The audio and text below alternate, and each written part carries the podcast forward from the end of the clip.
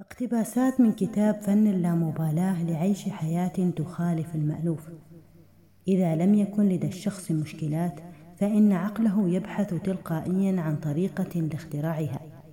لا يمكننا أن نكون ناجحين حقا إلا في الأشياء التي نحن مستعدون للفشل فيها. وإذا كنا غير مستعدين للفشل فإننا غير مستعدين للنجاح أيضا. لتعيش حياة هانئة سعيدة عليك بشيء من التواضع ثم سامح وصافح وتصدق تكن من الهادئين القانعين. إن السفر أداة رائعة لتطوير الذات لأنها تنتزعك من قيم ثقافتك وتجعلك ترى أن هنالك مجتمعا آخر يستطيع العيش بقيم مختلفة تمام الاختلاف وينجح في ذلك من غير أن يكرهوا أفراده أنفسهم. هناك أشخاص كثيرون لديهم هاجس أن يكونوا على صواب في حياتهم إلى حد يجعلهم لا يعيشون تلك الحياة أبدا.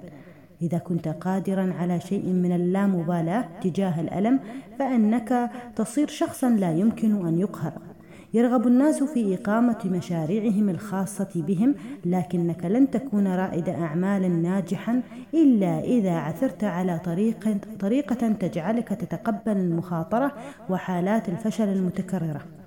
إن الخوف من الموت نابع من الخوف من الحياة والإنسان الذي يعيش ملء حياته مستعدا للموت في أي لحظة لا يستطيع كل شخص أن يكون متميزا متفوقا ففي المجتمع ناجحين وفاشلين.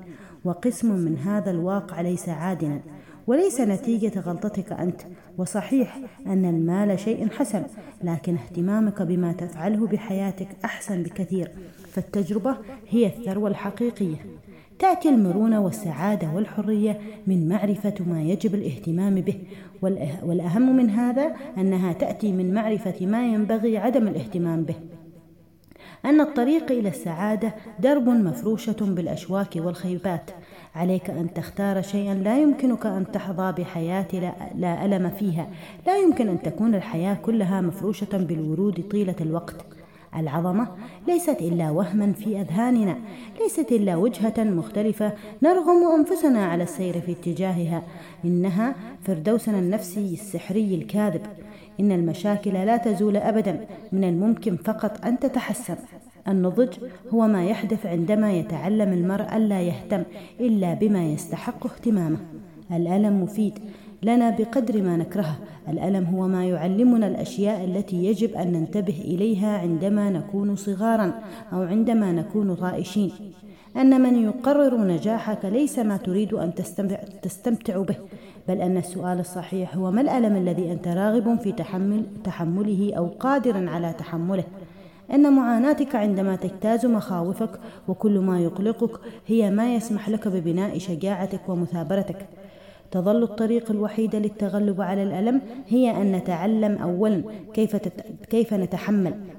كل ما له قيمة في الحياة يجري كسبه من خلال التغلب على الأشياء والتجارب السلبية التي ترافقه وأي محاولة للهرب من السلب أو تجنبه أو لإسكاته أو لقمعه لن يكون لها إلا أثرا عكسيا.